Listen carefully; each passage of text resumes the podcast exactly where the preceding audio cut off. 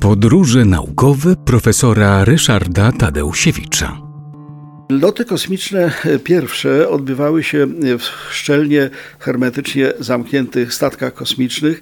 Były zbudowane w taki sposób, że wewnątrz tej kapsuły astronauci mieli zapewnione warunki do życia, w szczególności tlen do oddychania, natomiast próżnia kosmiczna, cały ten niebezpieczny kosmos znajdował się na zewnątrz. No ale kiedyś trzeba to było przezwyciężyć i pierwszym człowiekiem, który wyszedł w otwartą przestrzeń kosmiczną był Aleksander Aleksander y, Aleksiej Leonow. Miało to miejsce 18 marca 1965 roku. Y, on y, wyszedł wtedy ze statku Washod 2, spacerował sobie w tym kosmosie, a właściwie latał uwiązany taką pępowiną do tego swojego statku kosmicznego. Natomiast potem miał wielkie trudności z powrotem, bo się okazało, że próżnia kosmiczna spowodowała, że jego skafander, ten skafander się nadął i wejście, którym on wyszedł na zewnątrz, było za ciasne.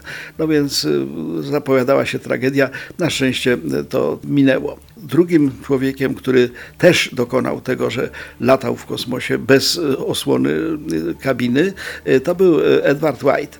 To był także 1965 rok, ale Leonow robił to w marcu, a White robił to w czerwcu. Wysiadł, wyszedł z kabiny Gemini 4, no i po prostu przebywał w tym kosmosie.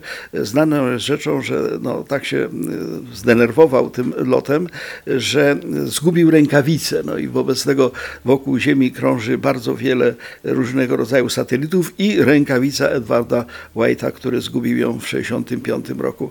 Natomiast y, bardzo zabawna rzecz przydarzyła się rosyjskiemu astronaucie. Nazywał się Sergiej Krikałow. Otóż on wystartował 19 maja 1991 roku na stację orbitalną Mir. Rosjanie mieli taką stację orbitalną, tam można było przebywać. Przebywały tam wieloosobowe załogi.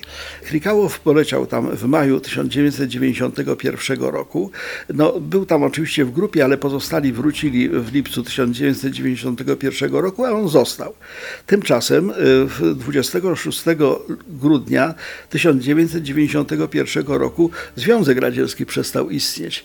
I on był przedstawicielem państwa, które, które nie istniało. Co więcej, kosmodrom Bajkonur, z którego startowały radzieckie e, statki kosmiczne, e, przeszedł do Kazachstanu i wobec tego stał się no, eksterytorialny.